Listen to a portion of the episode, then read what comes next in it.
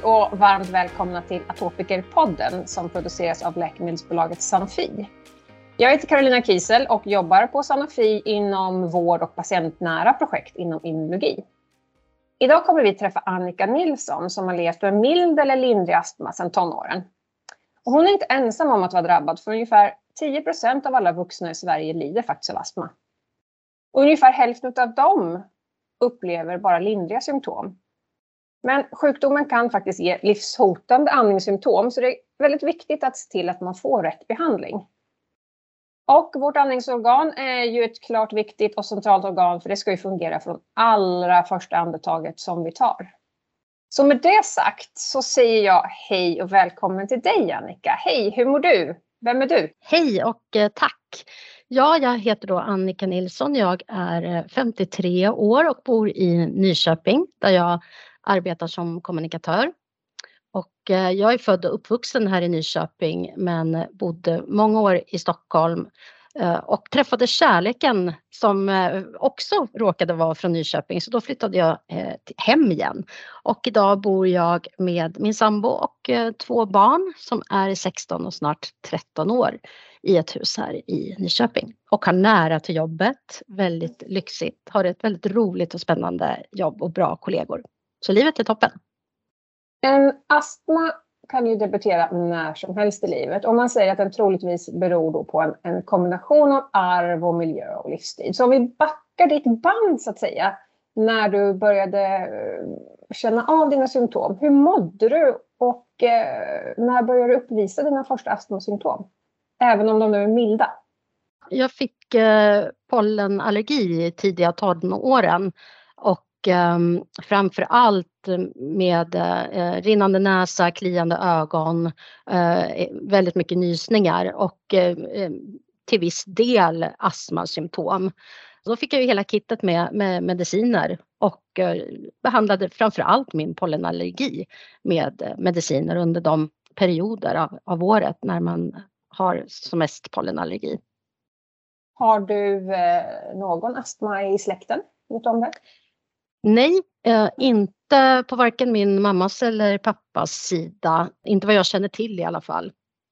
Då med vetskapen att du hade en pollenallergi i botten och att du fick en astmamedicin utskriven men som, som inte behövdes användas så mycket eftersom du hade en väldigt mild astma.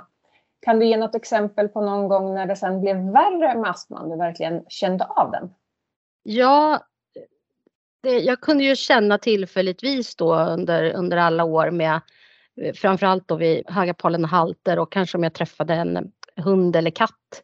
Men det är framförallt på äldre dagar som jag har känt av astman vid eh, förkylning. Och eh, det var när jag fick en lite svårare influensa när jag var ungefär 40 år som jag fick, fick riktiga besvär. Och hur visade sig de besvären? Det var en hosta som inte ville ge sig och när jag då kontaktade vårdcentralen så, så fick jag kommentaren där att ja, men du tar väl din astmamedicin regelbundet. Och, och då trillade poletten ner hos mig att de här astmakänningarna jag hade haft eh, eh från tonåring uppåt var en kronisk sjukdom som behövde behandling. Då har du varit hos primärvården främst och behandlat din astma förstår jag eftersom som den är utav lindrigare slaget. Känner du att du har fått den hjälpen nu som, som du behöver? Kan du hålla din astma i schack och att du har en sjukdomskontroll? Idag absolut. Jag tycker att jag har fått eh, jättebra hjälp eh, efter det här uppvaknandet som, som jag var med om och eh, fått en astmautredning gjord och med en numera rätt behandling av min astma. Så det, det känns ju verkligen jättebra och det är klart att med, med facit i hand så skulle det ha varit väldigt bra om jag hade förstått det här tidigare i livet. Att, att jag faktiskt hade behövt behandla. Även, även om jag inte hade några särskilda symptom så hade det förmodligen gjort mig gott att behandla astman tidigare. Man brukar ju dela in astman i två huvudtyper, allergisk och icke-allergisk astma. Och den allergiska astman utlöses om man är överkänslig mot något som pollen och kvalster och katt och hund etc. Och den här icke-allergiska är mer att man, man reagerar på kall luft, rök och fysisk ansträngning. Vet du vad det är som utlöser din allergi och din astma idag? Ja, jag har ju betydligt bättre koll på det idag än tidigare och det, jag skulle vilja säga att det är framför allt förkylning som triggar min astma. Eh, även när jag träffar pälsdjur, Eh, är, är det jobbigaste djuret. Stark parfym kan trigga astman eh, och sen så har jag också förstått att ehm, när jag är stressad så har jag en, en, ehm, en högre risk att eh, få astma lättare än när jag inte är stressad. Sen ehm, är ju jag då allergisk under pollensäsongen och, och även mot katter och hundar och så.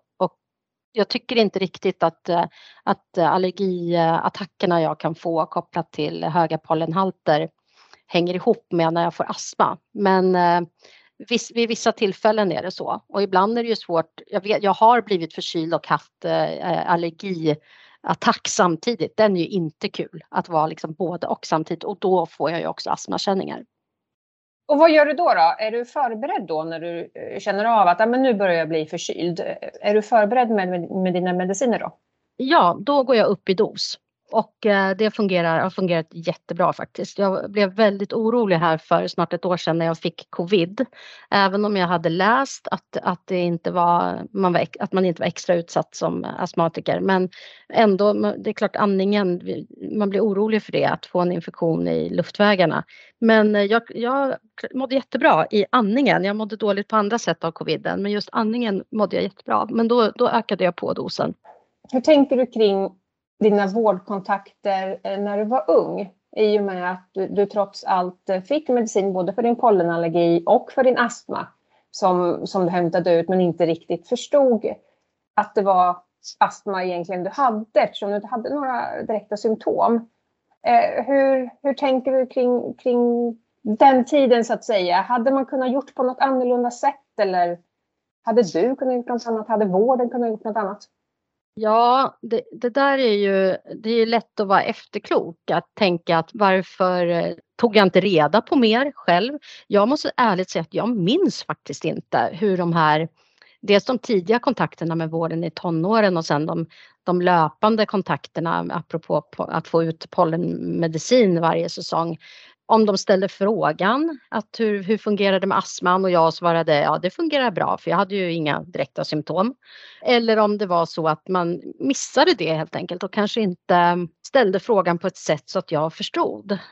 Det, det är svårt att säga så här i efterhand men jag tänker eh, oavsett vad det är man, anledning man är, är, i kontakt med vården, att det är bra att läsa på lite själv och, och ta reda på vad det innebär. Idag finns ju sådana enorma möjligheter att, eh, att ta reda på lite mer om den diagnosen man får för att eh, själv ha koll helt enkelt. Jag hade inte det och eh, om det berodde på att jag inte var mottaglig där och då eller att jag faktiskt inte fick en tydlig information, det vet inte jag. Men från den dagen som jag fick en, en större insikt så har, tycker jag att eh, vården har varit fantastisk i bemötandet mot mig och den hjälpen jag har fått med tanke på att jag nu har fått besked att jag har nedsatt lungkapacitet, även om det inte är någon allvarlig nedsättning, så är det klart att då ångrar man sig förstås. Hade, det, det kanske hade sett annorlunda ut idag om jag hade medicinerat regelbundet genom åren. Men när jag tittar tillbaka, jag mådde ju aldrig dåligt av astman så det, det, man ska inte gå runt och ha dåligt samvete på sig själv och vara arg på sig själv för saker som man inte kan påverka. Men jag mådde ju bra under, under mina unga år och med tanke på hur mycket jag utsatte mig själv för cigarettrök, andras cigarettrök vill jag, tänk, vill jag tillägga, jag har aldrig rökt själv men under de här krogåren som jag hade och ändå mådde bra då. Det är ju helt otroligt. Idag kan jag inte föreställa mig hur det skulle vara att vistas i en rökig lokal med, eh, med min astma. Men eh, som sagt, ja, nej, jag mådde bra och jag tränade betydligt mer under de här åren och var, vägde inte lika mycket som jag gör idag. Det spelade säkert också in. Men det, jag tror att hade jag behandlat regelbundet så hade det gett effekt på lång sikt. Så det är ju verkligen ett råd till alla att ta sina mediciner. Så när du väl får ett, eh, en känning av din astma, vad, vad händer i kroppen? Hur känns det?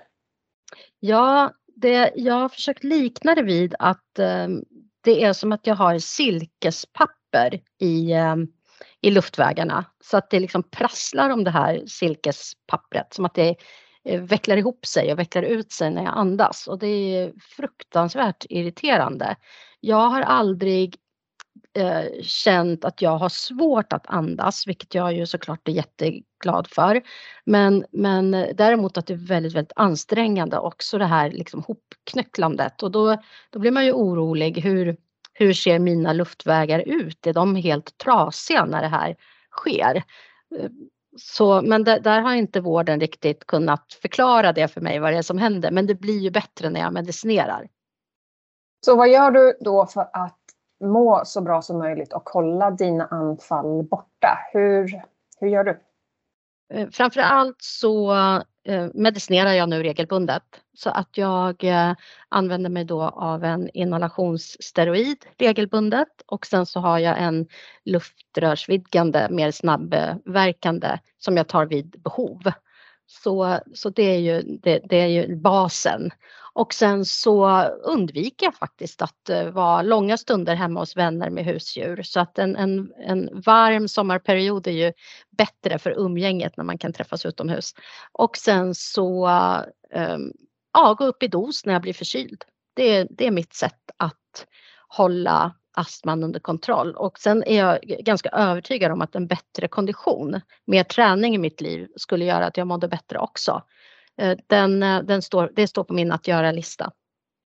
Vad skulle du vilja ha vetat då som du eh, vet idag? Alltså någon information eller tips som du hade önskat att du hade vetat från, från första början? Ja, den där kommentaren jag fick av sjuksköterskan på vårdcentralen att du tar väl din astmamedicin reg regelbundet.